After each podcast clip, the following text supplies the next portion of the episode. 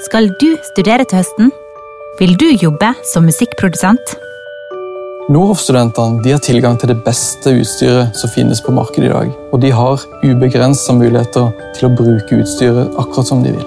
Utrolig gode fasiliteter og et kjempebra utvalg av utstyr som gjør det veldig gøy og artig å jobbe der.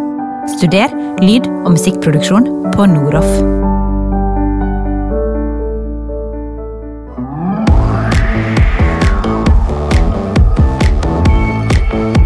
Hei, mitt navn er Ole Henrik Antonsen, og du hører på episode nummer 14 av Bak spakene, podkasten om produsenter, teknikere og låtskrivere.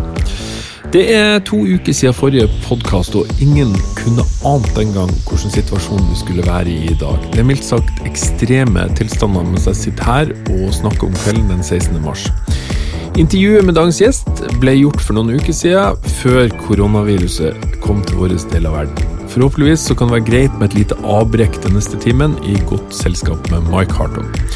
Mike er sannsynligvis et eh, godt kjent navn for de fleste, og en som jeg personlig har lært veldig veldig mye av. Vi har jobba mye sammen tidligere, og det her er en utrolig dyktig kar som er verdt å lytte til.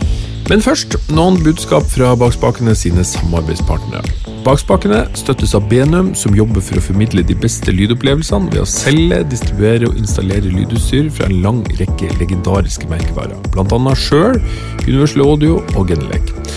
Benum jobber for at du skal få best mulig lydopplevelsen hele veien fra scenen til publikum, fra studio til lytter eller fra input til output. Som pro-kunde hos Benum så får du mulighet til å handle med de beste prisene. Se benum.no for mer informasjon. Bak spakene støttes også av Platearbeiderforeninga, som for øvrig ledes av denne utgavens gjest. Platearbeiderforeninga er en interesseorganisasjon for musikkprodusenter og studioteknikere, som bl.a. holder workshops og seminarer. Platearbeiderforeninga er også medlem i Musikkindustriens næringsråd, og jobber mens jeg snakker om det her hardt for å sikre musikkprodusenter og teknikere sine interesser i tiltakspakkene som kommer fra regjeringa nå. Så er det også en stor glede for meg å presentere en ny annonsør i denne episoden, Scandic. De har et høyttalersystem fra Electrovoice som heter Evolve 31. Det er et uh, søylesystem bestående av profesjonelle, evigkonstruerte komponenter i førsteklasses byggkvalitet. Evolve 31 settes superraskt opp og er så portabelt at du kan bære med deg hele riggen på én tur.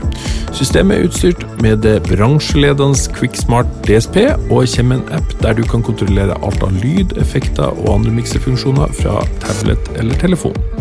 I Evolve 31 får du den perfekte kombinasjonen av ytelse og fleksibilitet i en veldig kompakt pakke.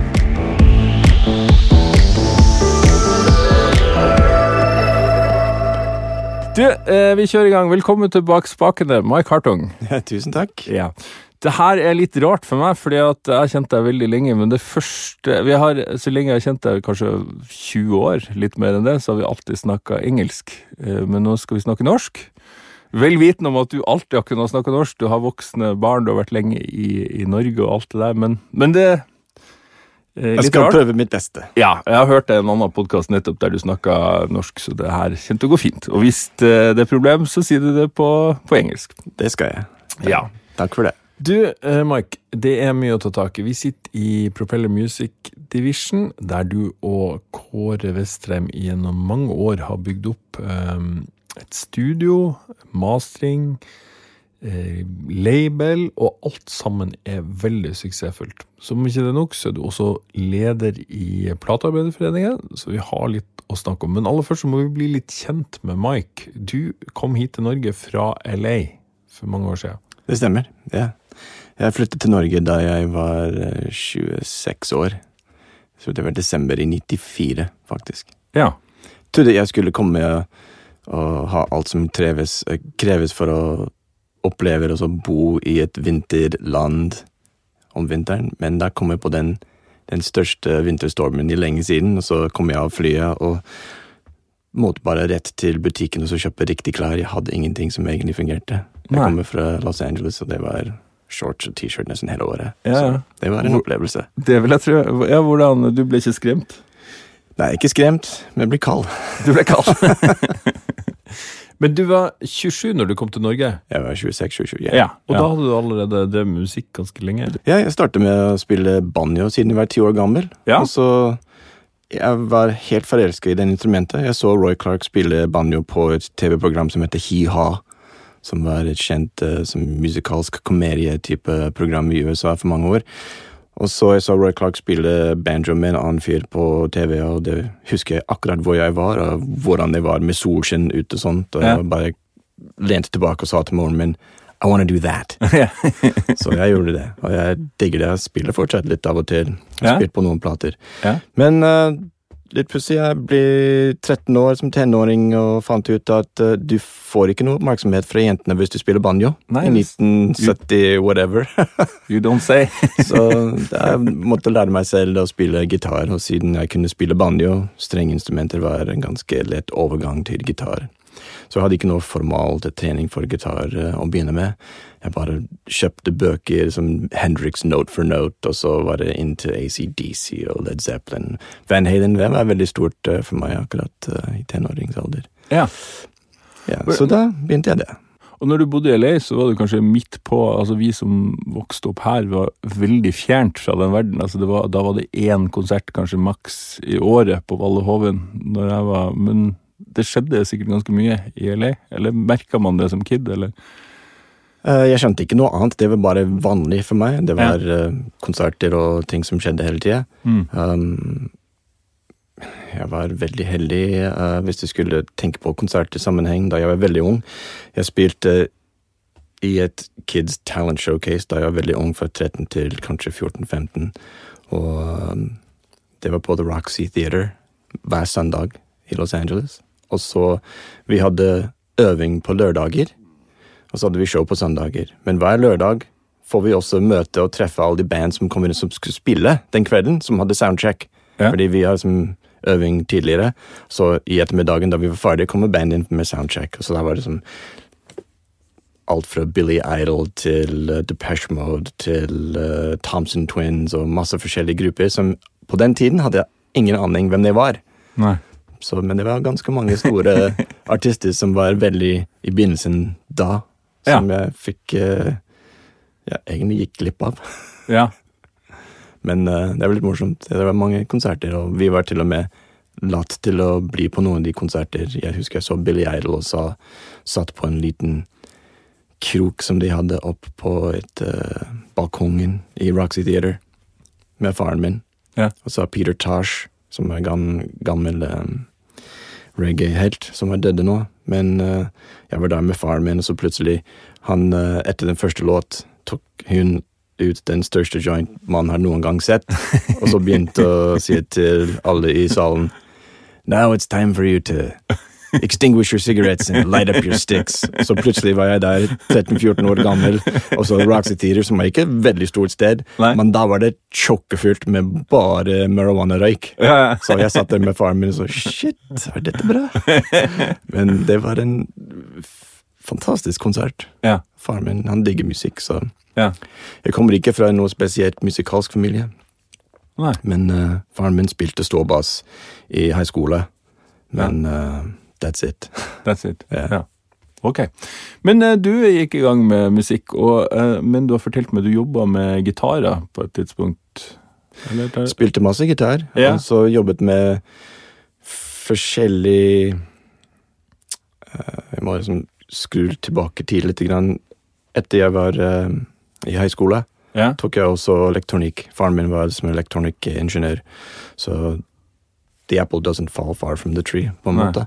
Så jeg lærte mye om som elektronikk samtidig. Så jeg var også veldig interessert hele tida i som hifi-utstyr og uh, lage kule gitarlyder, og på den tiden var det veldig inn å ha som et huge refrigerator racks med gitarutstyr og sånne ting, med Bradshaw switching system, så jeg var veldig inn på alle de der, og så Ja. bygget jeg masse forskjellige racks til forskjellige eh, artister.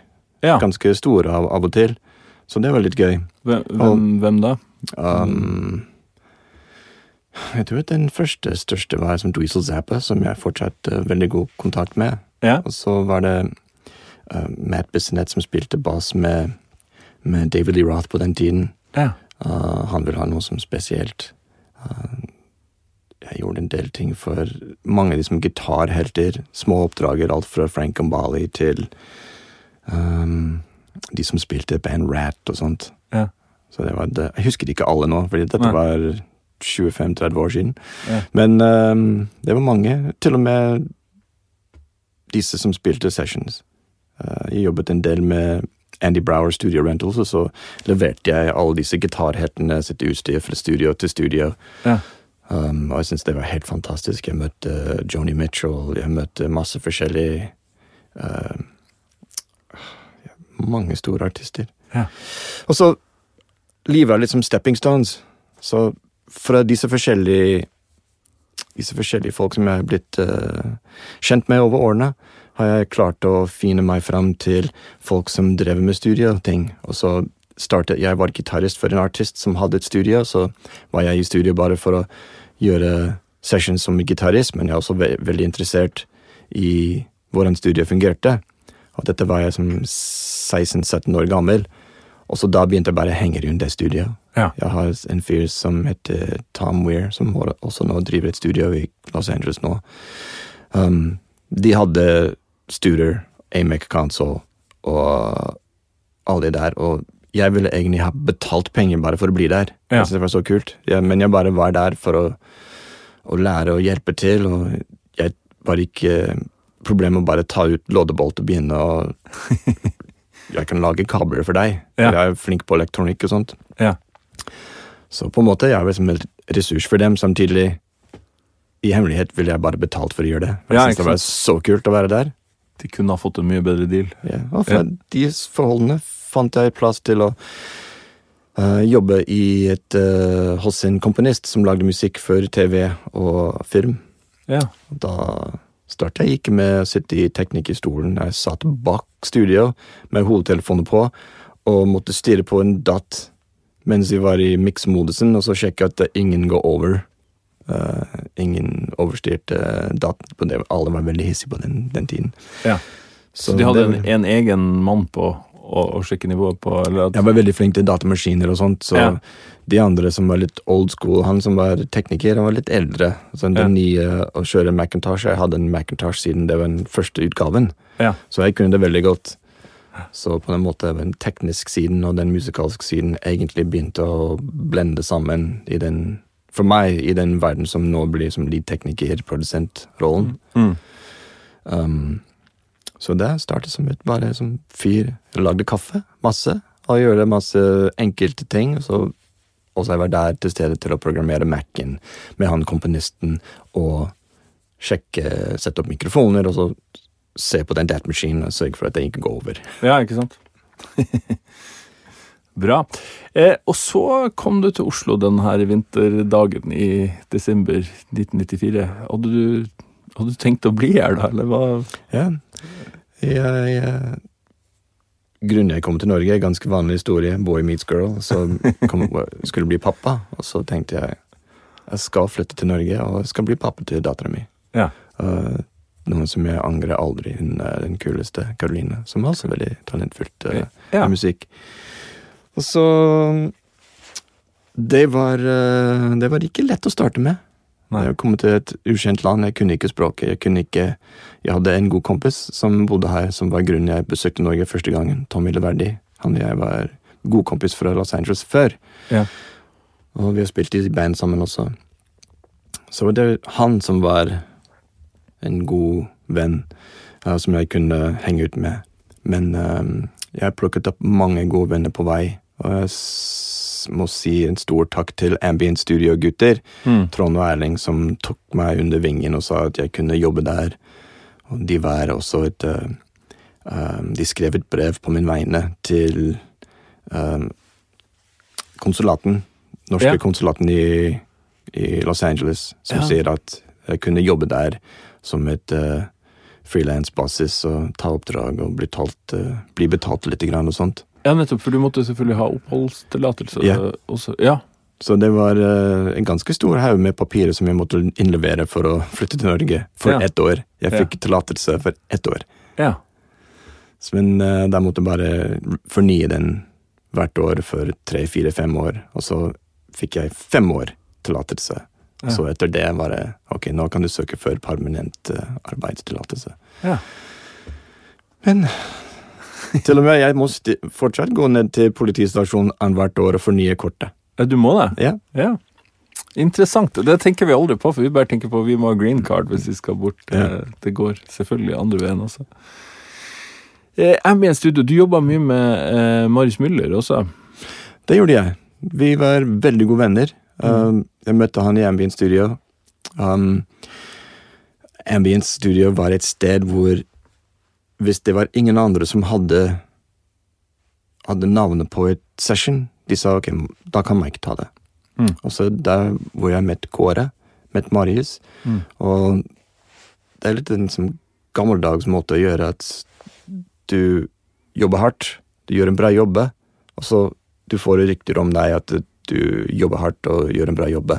Mm. Så det begynner å stepping stones igjen, at en start på en prosjekt, gjør en bra jobb, så kanskje de prater med noen andre som sier at «Ja, Mike han var kjempeflink, du burde gå. Mm. Så, sånn startet det. Men Marius han, øh, han hadde rom også i Ambience, og jeg spilte med han på turner, og jeg var co-produsent på et par plater med Funhouse før han døde. Mm. Han var øh, Han var en fin fyr. Mm. Han var det. Um, Ambient Studio, det er kanskje ikke alle som vet hvor det var eller lå, men det, det var altså i Nydalen, før Nydalen ble noe særlig utbygd. Ja. Så, Ja, så de var- som ikke husker, det var en gammel trafo-bygg ja. som var kjempesvært. Ja. Og det var bygget som et ja, tåler bomber. Det var som et bunkeraktig greie. Mm. Så det var helt stille der inne, fordi det var så masse vegger, betong overalt. Men det var perfekt sted å ha et studio, Ja. unntatt uh, det var ikke noe dagslys. Men de hadde et kjempesvært opptaksrom, kjempesvært kontrollrom, så det var veldig kult uh, lyd i deres studio. Så Mm. litt, mm. litt, litt synd at den er ikke er lenger, men selvfølgelig. Studiobransjen er litt vanskelig. Den er det. Det kom uh, mye utbygging i Nydalen, og så Ja. ble det bare borte. Ja. Og- Det skjer kanskje overalt i verden nå. Det er mange studier har låste dørene. Mm. Det er trist, men Ja, sånn er det bare. Sånn er det bare. Ja, Det, vi må bare akseptere ting forandrer seg, og bare Ja. kjøre på. Ja, ikke sant. Eh, du møtte også Kåre der, og jobba med Locomotives. Det gjør jeg. Det var uh, en typisk jobb hvor uh, de gutta fra min sa Mike, uh, vil du ta denne jobben? Og så sa jeg absolutt, jeg tar alt, fordi jeg var fattig, jeg hadde ikke noe Ja, det måtte skikkelig start fra ground zero når jeg kom til Norge. Det var uh, fra scratch. Ja. Og så Jeg husker det veldig godt den første dagen jeg møtte Kåre Locomotives. De, det var noe spiraltrapper i studio som var treverk, og du kunne alltid høre folk kommer ned i trappene.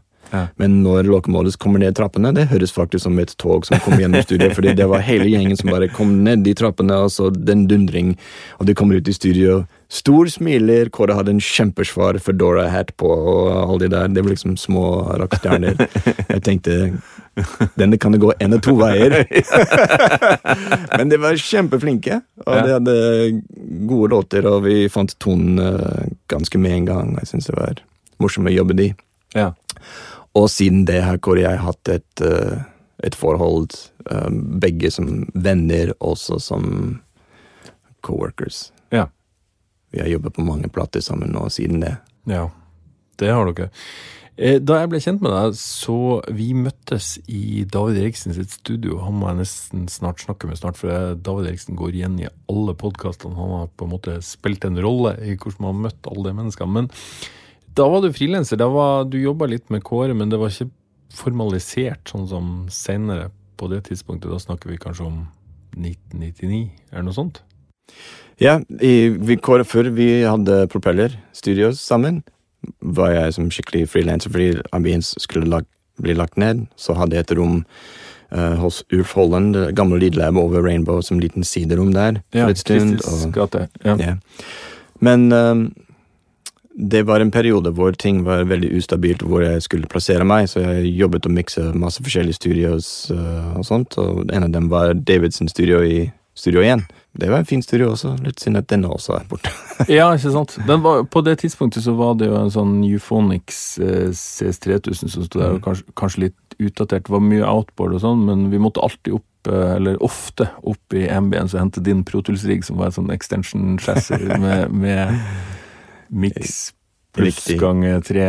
For vi var alltid fri for eh, kraft på et eller annet tidspunkt, så måtte vi Og så kom det med, så hadde sånn Mac i UI-kontrollflate og en Focusrite Red 3-kompressor, det husker jeg. Det var alltid det var, kom alltid med mic. Det var riggen min i dag, Ja. i tiden. Så, Uansett hvor vi jobba. Og så etter hvert noe sånn SSL do it yourself uh, som du hadde bygd sjøl. ja, som jeg sa i stad, jeg har en teknisk bakgrunn også med elektronikk, sånt, Ja. så jeg syns det var kult. Og det er en ganske kult følelse når du bygger noe utstyr, og så mikser du, tracker du gjennom det, så hører du på det, og du sier ja, den miksen den faktisk går gjennom den stereo busskompressoren vi har lagd selv. Ja, ja, ja. Du fikk meg til å, til å bygge en sånn, du også. Eh, jeg har, eller jeg bygde to. Eh, Men jeg bruker det ikke. Det, det er en veldig kult greie, og jeg syns alle som skal komme inn i den yrken, burde i hvert fall lære hvordan å lodde. Mm. Det er så mange ganger den her Save My Ass, uh, Mm. kabel eller whatever, som trengs bare som en liten touch-up der, og så funker det igjen. Mm. Det kan redde en session skikkelig. Ikke sant? Alle som kjøper et Focusrite lydkort og registrerer det på focusrite.com, får fullt medlemskap i Focusrite Plugin Kollektiv. Her får du annenhver måned en 100 gratis plug-in fra anerkjente fabrikanter som for eksempel Isotope, Fonarworks og Found Radix. Selv fikk jeg denne DFR-en via plug-in-kollektiv i september. Focusrite. Sound is everything. På denne tida, eh, for 20 år siden, så var det ikke snakk om å jobbe i boksen, egentlig. Altså, det var jo store eh, Om vi jobba hos Ulf Holand på SSL, eller på den Euphonixen som sto hos David, eller vi var i Barracuda, der det var en sånn Sony Hva heter den? Digitalmikser av noe slag. Eh, så var det alltid det man gjorde, men jeg husker du sa at uh, this is the future, og få god lyd på tur inn. yeah. Eh, og det har du stått med, samtidig som du har enorm eh, Altså, studioet her i Propeller er jo fullt av veldig mye analogt gear også. Ja, jeg syns at den ideen og den praksis som jeg tenker på, som jeg prøver å få den innspillingsnivået som jeg vil ha det, slik at det blir mindre jobb i mix.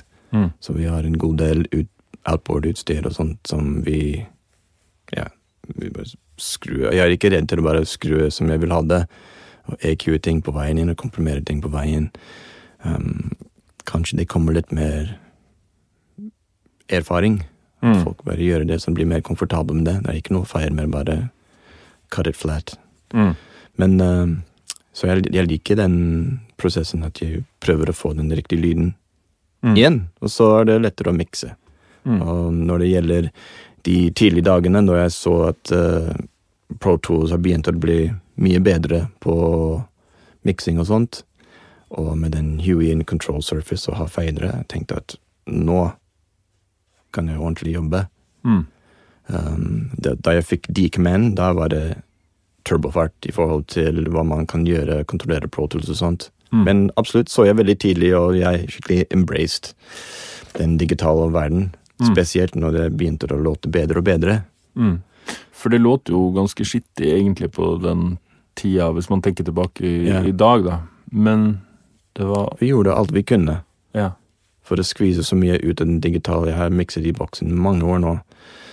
Uh, men siden jeg har hatt et, mitt eget uh, opptaksstudio siden jeg var 18 år, og det var helt analogt opp til jeg var ja, 28-30 Man husker hvordan ting egentlig burde låte. Ja. Så jeg prøver å alltid ha det bak hodet, og- eller det er brent inn. Jeg tenker ikke så mye om det påvist, men få den til å låte riktig. Og den for meg kompasset er innstilt mot det som jeg vokste vokst opp med, på en måte. Ja. Men underveis her, jeg har jo vært innom en del ganger i løpet av årenes løp, og, og du har også, du har jo parallelt med å ha hatt high-tech Pro Tools det siste alltid, så har du også hatt en 24-spors eh, totoms tapemaskin som du har trekka trommer på inn. Gjør du det fortsatt, eller? Det gjør vi. Ja. Det er kanskje fem-seks prosjekter hvert år som blir tracket på bånd Ja. i studio. som er veldig kult. Og de som Det, de krever litt mer av musikerne også, at Ja. når de gjør det. At eh, de har øvd det, at du kan få bra performance på tape. Mm. Vanligvis um, prøver å bare få alt i et take, eller noe kort take. eh, Mm. Eller to take som du kan klippe sammen. Og så vil jeg alltid ta det opp begge digitalt og analog samtidig. Ja. Så vi har en safety på en måte. Men vi alt er i synk med hverandre. Så når vi får de to take eller tre take som vi liker veldig godt, da overfører alt eh, fra repro-hodet på maskinen inn til Pro Tools. Så um, Det som er litt greit, at alt er i synk. Du kan flippe en playlist tilbake, så hvis du kommer til en veldig stillegående del av en låt, som har ikke noe tape-kompresjon i det hele tatt, men du vil ha det med tredimensjonert lydbilde uten sus, kan du bare insert den lille stykket fra Ja. digitalt. Ja. Og så tilbake til tape når det begynner å gasse på igjen. Mm. Så det er uh, noen, som vi har, noen ting som vi har gjort uh, en del ganger. Hva, hva, hvilke typisk, Er det rocketing som du typisk gjør på tape? Ja, eller? alt fra rocketing, men også roots music-ting, Ja. folkmusikk-ting, um, pop-ting. Det har vært eh, en ganske bred spekter. Ja.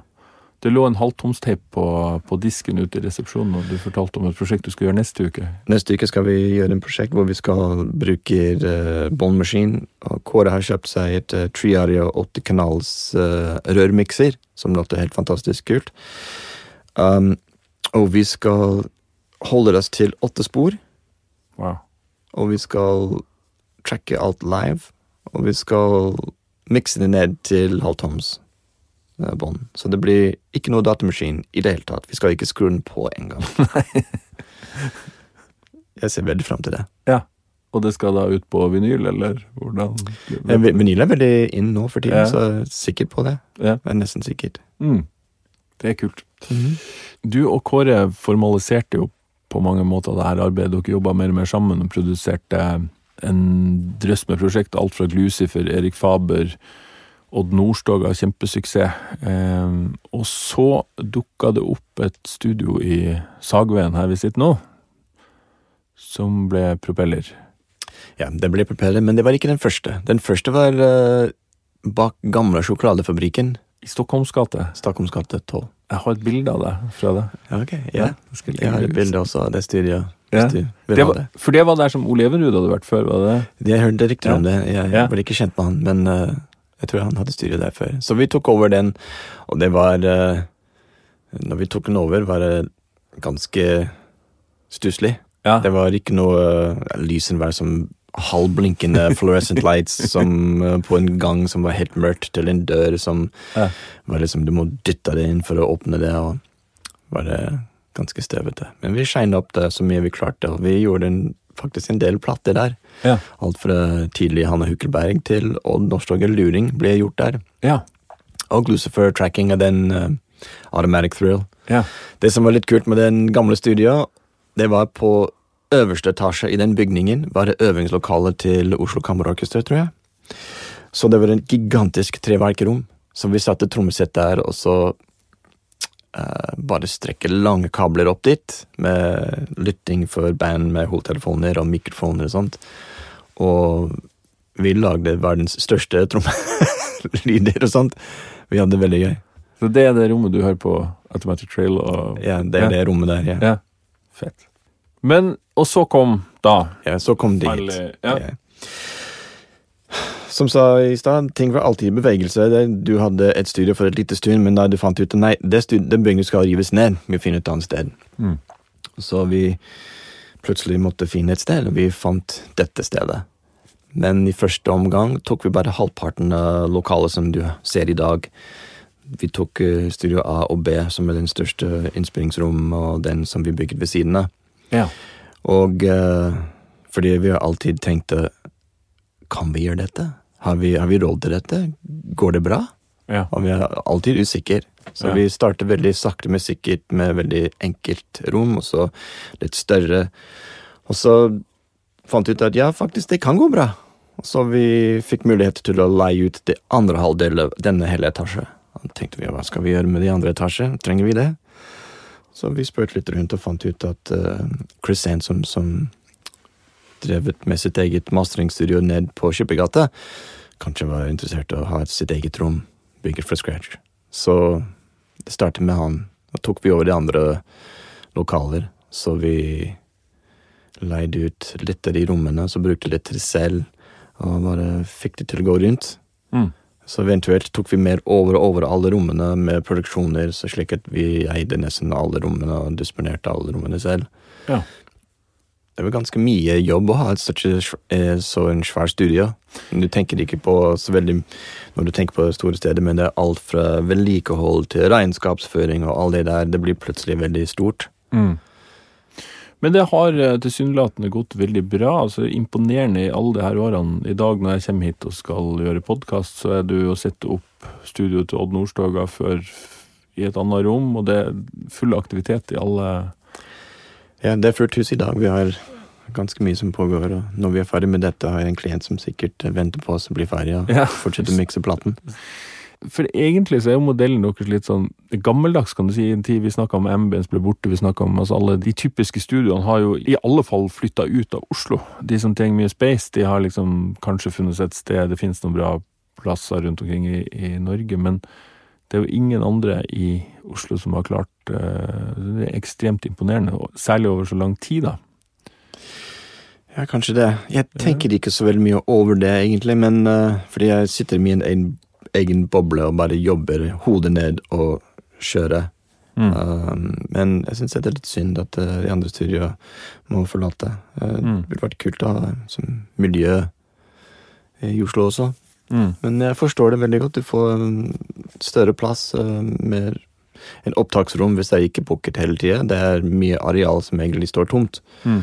Så jeg skjønner at uh, uh, noen studier må Mm. finne en andre plass, fordi de som sikkert eier gårdeierne, de vil gjøre, en, gjøre den lokale til leiligheter, som tjener Ja. enda mer penger. Ja.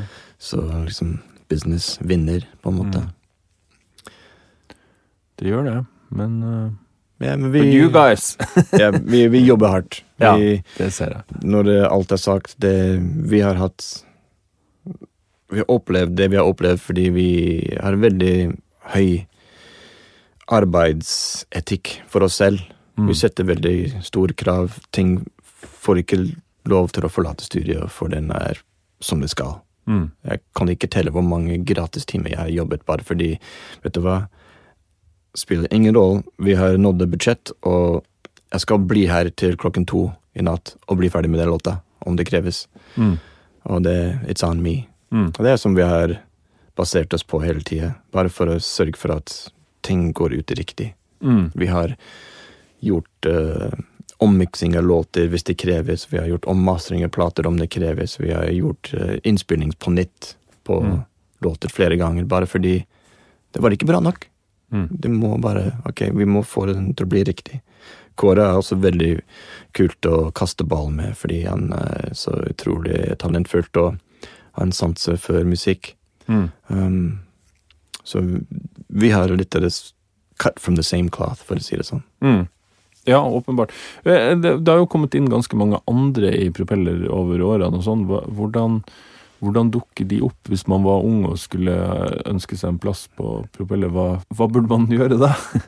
Stort sett alle som har kommet til studio, har vært uh, uh, bare folk som enten vi kjente på en eller annen måte, eller folk som sender inn en søknad, en e-mail som random til meg, og spør om vi har, har vi behov for en, en lærling i studio som er villig til å jobbe gratis og sånt.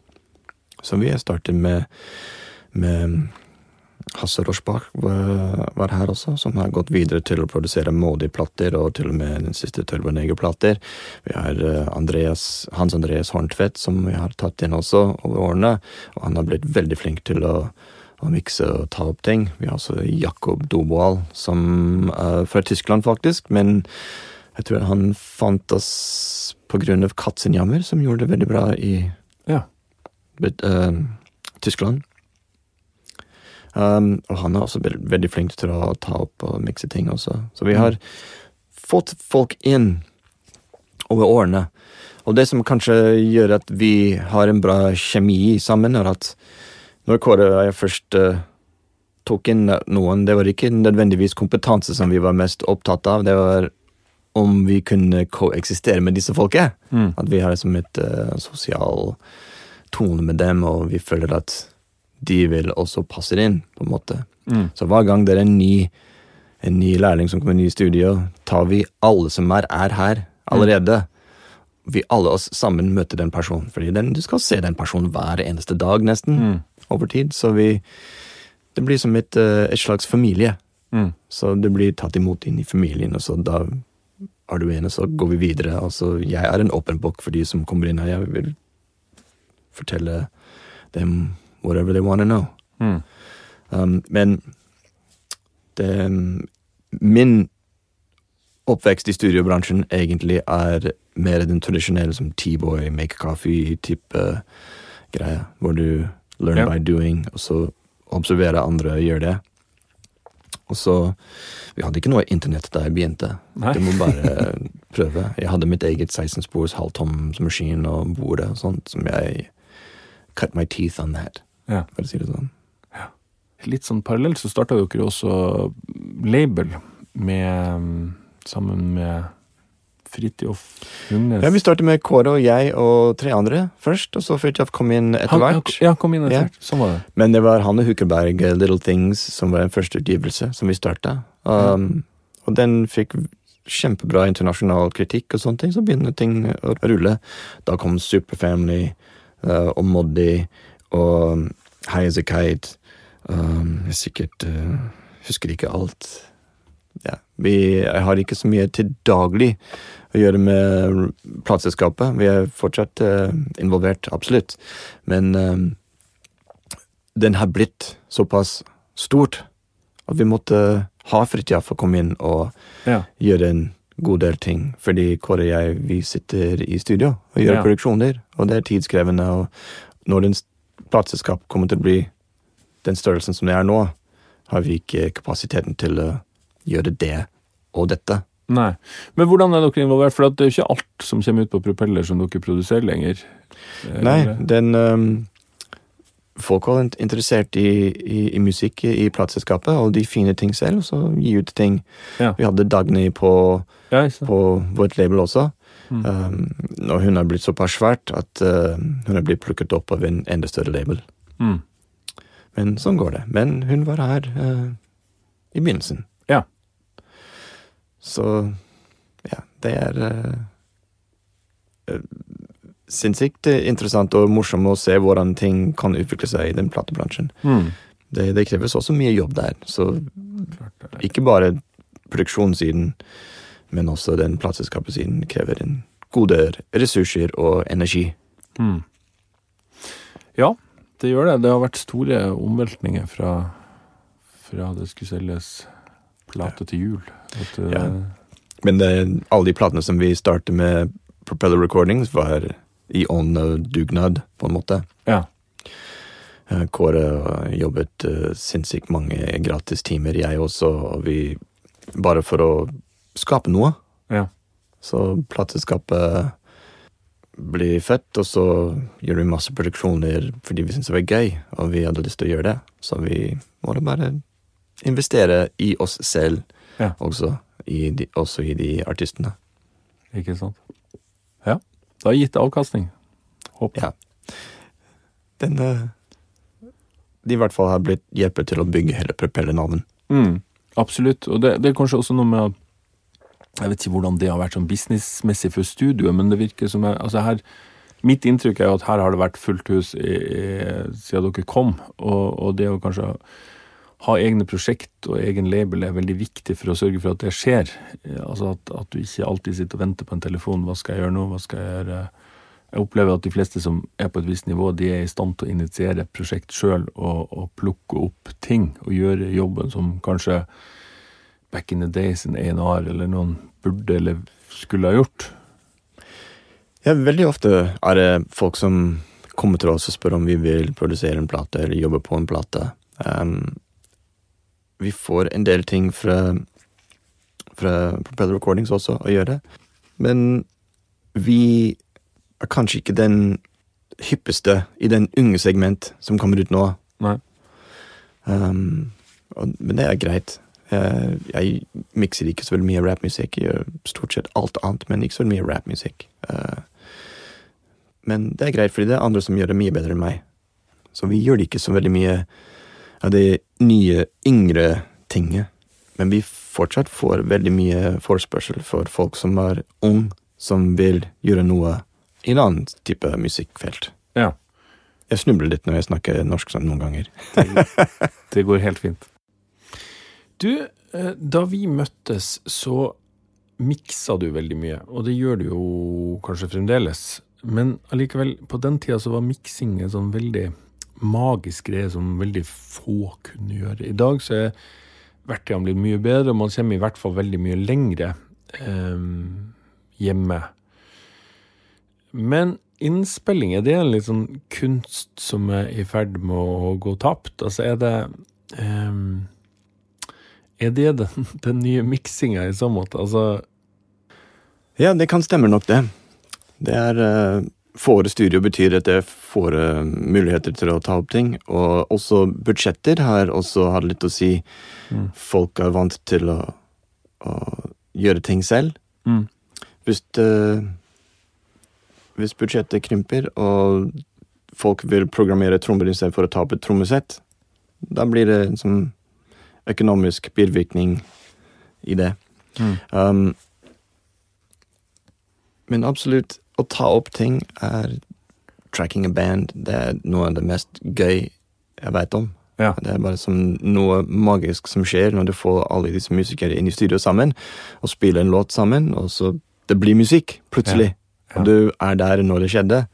Jeg syns det er veldig spennende. Det er liksom et, et slags gnistring som skjer der, som er litt eh, kult at du fanger det opp. Og jeg er veldig veldig interessert å bare få bra lyder i ting. Så heller gå ut og flytte mikrofonen litt grann for å, istedenfor å EQ massevis. Prøver å bare få en bra opptak. Det er veldig viktig for meg. Mm. Og prøver å låte som du vil ha det. Mm. Jeg innbiller meg at man har gått fra en virkelighet der, eh, der man kanskje hadde eh, ting som var ikke så verst innspilt, og at det var liksom kunsten var å få det miksa opp, mens at i dag så er ofte miksing snakk om å berge innspillinga, altså at, at mange tracker Du trenger bare et lydkort, så kan du ta opp på øvingslokalet, og så Ja, det er det. Den teknologien har blitt såpass billig nå i disse dager. Folk kan gjøre masse ting selv. Men veldig ofte er det slik at de bare kobler opp en mikrofon direkte inn til den interfacen som de har, og så ta opp uten noen ting som bare som cut it flat. Og det, Mm. det skjer hele tida. Ja. Og så har du masse plug-in som du kan sette på for å skru lyden. Mm. Så det er også en liten sign of the times, på en måte. Sånn er vi der. Men alle gjør det. Det er ikke noe galt med det i det hele tatt. Det er bare som ny verden virker slik. mm. Har mikseprosessen endra seg for deg i løpet av alle de årene? Mikser du fortere eller eh, annerledes enn du gjorde Jeg er veldig glad for at jeg mikser in the box. Fordi jeg mikser såpass mye forskjellige ting hele tida, og jeg kan Hvis jeg venter på filer og sånt, jeg kan bare hoppe på en annen låt eller en annen prosjekt, og så åpne den, og så bare fortsetter. Jeg har zero downtime, mm. bortsett fra hvis Macintosh går nede, eller noe i systemet går nede. Mm. Så jeg eh, Ting har ikke forandret så veldig mye for meg i det siste ti år, siden jeg mikser in the computer. Siden lenge før det også. Men eh, jeg har blitt fortere og raskere etter jeg fikk en decommand-bordet. Mm. Det kan jeg si. Jeg kan slå av skjermen nesten og kjøre hele uten å se det. Ja. Så jeg liker det veldig godt.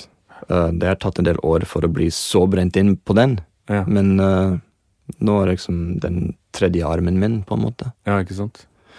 Så alle de grunnprinsippene med lyd og sånne ting, og miksing, egentlig, de har ikke forandret seg så veldig mye. Det er jo nye verktøyer som er morsomme og spennende, som man har i det digitale verden, som vi ikke hadde før. Mm. Men jeg aksepterer også ta imot alle de gode, morsomme nye ting. Jeg er som en nerd i hodet mitt for Ja. lenge siden, så jeg er absolutt open arms til alle de der. Og det bare blandes inn med den analogt uh, verden som jeg vokste opp i. Ja, ikke sant. Du, vi må også snakke litt om Platearbeiderforeningen. Platearbeiderforeningen, ja. Ja. Jeg ble valgt til stilleder for to år siden. ja. Så tenkte jeg ok, hvis jeg skal gjøre dette, skal jeg bare prøve mitt beste til å få til noen morsomme ting. Så til slutt har vi hatt uh, Andrew Ships bortover for masterclass, og vi har hatt uh, Greg Wells over for masterclass. Vi har hatt uh, Leslie Ann Jones bort. Og så jeg jobber med noen andre spennende navn for å komme. Sylvia Massey. Sylvia Massey var også med. Ja. Og så har vi som business-seminarer som går rundt og prøver å hjelpe folk som jobber i den bransjen som gjelder å lage plater. Platearbeidere. Alt fra den tekniske, morsomme Vi har sosial uh, gatherings på utepils, på julebord og sånne ting. Så til og med har vi noen business-seminarer som vi har satt sammen, hvor vi går rundt og prater om de tingene som du som produsent, eller låtskriver, eller mikser, eller whatever, Mm. Um, må vite. Hvis du skal ha en karriere, og som en lang, varig karriere i musikkbransjen, det er en del ting som du må bli kjent med. Hvor du skal tjene penger, rettighetene som tilhører deg. Den linjen mellom låtskriver, programmer, beatmaker, produsent, mikser, det har blitt mye mer blurry Mm. mellom alle de andre. Så det er mange overlap nå uh, i alle disse tingene. Så det er enda mer viktig å vite hvor man er i den prosessen. Hva har du rettighet til? Kanskje du har gjort noe på en plate som egentlig gjør en slik at du er en del av en co-write, muligens. Og noen ganger er det at du har som gjort en performance selv på noe som du har Mm. tok opp. Det kan bety penger for deg i form av uh, grammoinntekter Mm. eller toneinntekter og sånt. Og så folk som også gir ut plater selv. De har blitt sitt, e sitt eget plateselskap, på en måte, uten å vite det. Masse informasjon, masse ting som Platearbeiderforeningen jobber for, for å hjelpe folk til å bli flinkere med kontrakter. Uh, ja, bli smart med å registrere ting som du har en som intellectual property for. Mm. Alt det der. Hvordan businessen fungerer. Det er veldig mye Veldig mye ting som eh, man går glipp av hvis du bare driver med studioverden og ikke kommer deg ut av den bobla. Mm. Jeg er jo litt uh, engasjert i denne type arbeid sjøl, og, og lurer litt på Er det viktig at man må huske å ta seg betalt? Eh, For jeg har inntrykk av at eh, prisene har jo stått standby, og kanskje til og med gått ned, fordi at det er så mange som vil drive med det her. Er det noe man kan formidle til, til den yngre garde, holdt jeg på å si? Absolutt. Det har vært uh, vanskelige tider i musikkbransjen siden digital eh, kopiering av MP3-er og sånne ting gjør at plateselskapene de fikk ikke selv musikken lenger. Mm. De tapte masse penger, så krymper budsjetter. Så de forventer at vi skal lage, lage det samme produkt, samme kvalitetsnivå, men en brøkdel budsjettet som det Mm. var. Mm. Som er et stor utfordring for oss. Mm. Um, nå har ting begynt å svinge litt tilbake til bedre tider i, Ja. i platebransjen. Um, men fortsatt, jeg tror at plateselskapene egentlig har de gamle budsjettnivåene som det var fra før, når det var dårlige tider. Ja. Så jeg tror at det er litt rom til å gå opp um, i pris i forhold til i hvert fall de store plateselskaper som har begynt å tjene litt bedre på det. Um, det ville ha hjulpet den musikkbransjen, platearbeiderne, veldig mye. Jeg tror vi kunne også gjort mer, gjort bedre, hvis det var mm, litt mer penger i systemet. Mm. Så alle må melde seg inn i Platearbeiderforeningen? Jeg syns det. Ja, vi har fått, uh, Hver gang jeg er ute og prater litt om det, jeg får folk til å Plutselig så jeg ok, jeg fikk noe, tre nye stykker som blir medlem. Ja. Det er ve ve veldig kult. Mer vi er, mer kraft vi kan få sammen. ja, få sammen, ja. Mm. Og så er det nye Jeg har hørt rykter om at det kanskje er nye kule seminar på gang. Er det kanskje ingenting du kan si noe om nå, eller hvordan? Det, det er litt kanskje for tidlig å si, men det er en del spennende ting som Jeg har vært i dialog med en del folk, så Ja. skal ikke la katten ut av sekken ennå. Nei. Ok. Men uh, Vi får se. stay tuned. Det blir bra. Det som er kanskje viktigste for folk som lytter til dette, og får et, et beskjed fra meg, er at når du gjør en jobb, og uh, Jeg tenker et stikkord er som stepping stones. Mm. Du gjør en veldig bra jobb, og du I denne bransjen vi er veldig dårlige til å reklame oss selv. Mm. Så i hvert fall jeg er. Jeg er som verdens dårligste. Å være som på Facebook og si jeg har vært involvert på det og det og det. Jeg terrible. Men uh, du må bare jobbe hardt. Gjøre en bra jobb. Og på en måte De De kommer til å snakke for seg selv. Den jobben som du har gjort. Jungeltelefonen funker veldig bra. Mm. Men uh, tenke å være kul med folk, være positivt, gjøre det best alltid. Og så Det kommer til å Hvis du gjør en bra jobb, du kommer til å få oppmerksomhet fra andre, og du får kanskje en forespørsel for andre ting. Men en ting leder til en annen ting, og du vet Du vet aldri hvor det kommer fra. Nei. Det er noen ganger som jeg har sagt ja til en jobb som jeg tenkte åh, vil jeg gjøre dette virkelig? Og kommer det til å bli en, en kjempestor ting for meg? Du vet aldri hvor det kommer fra. Nei. Det er sant, det.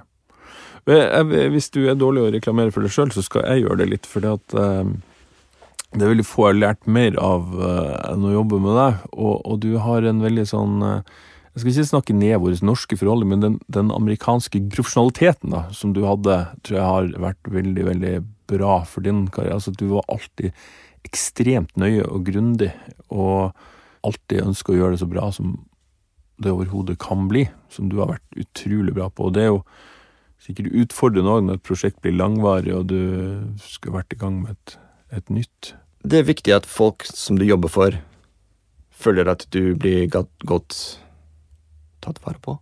Mm. At du, du gir deg selv, du gir liksom litt ekstra at uh, Because you care. Du Mm. vil at dette In the spirit of your project, I'm gonna do everything I possibly can to make it as good as I can. Mm. In a nutshell. Hva er ditt drømmeprosjekt som du ikke har gjort? Drømmeprosjekt? Det er et veldig morsomt spørsmål. Jeg vet ikke. Ja, det ville vært morsomt å jobbe på en stor eh, rockebandplate. Ja. Jeg liker Foo Fighters veldig godt. Det ville vært morsomt å jobbe på, med de på en plate. Jeg, du, du husker ikke det, men jeg spurte deg samme spørsmål for kanskje 15 år siden vi jobba sammen. Vi satt en av de lange dagene, og da sa du Metallica. Det var ikke en dårlig valg heller. Det var før uh, filmen Some Kind of Monster. Så. Ja, den så jeg, den så. Nei, jeg tror ikke det.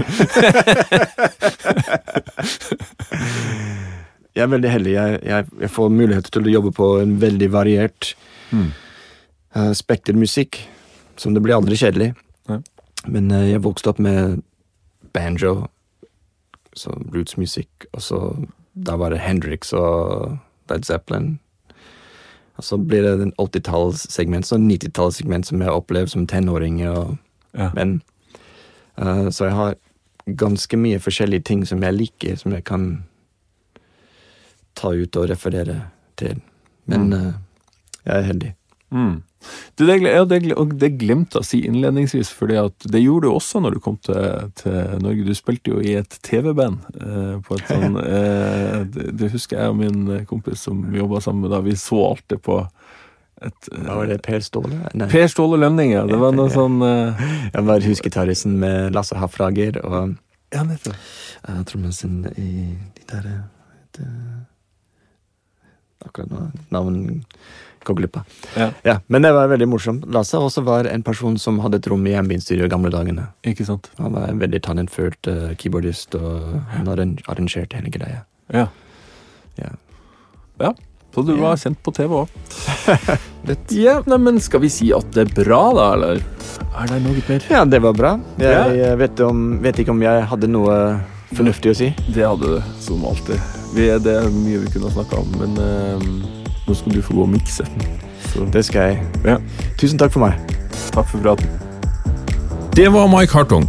Eh, Da vi snakka sammen, så hadde han miksa hele natta i forveien, og han hadde en ny kunde som sto og trippa utafor studio. I ettertid har Mike vært litt bekymra for at vi fikk snakka for lite, og kanskje særlig om miksing.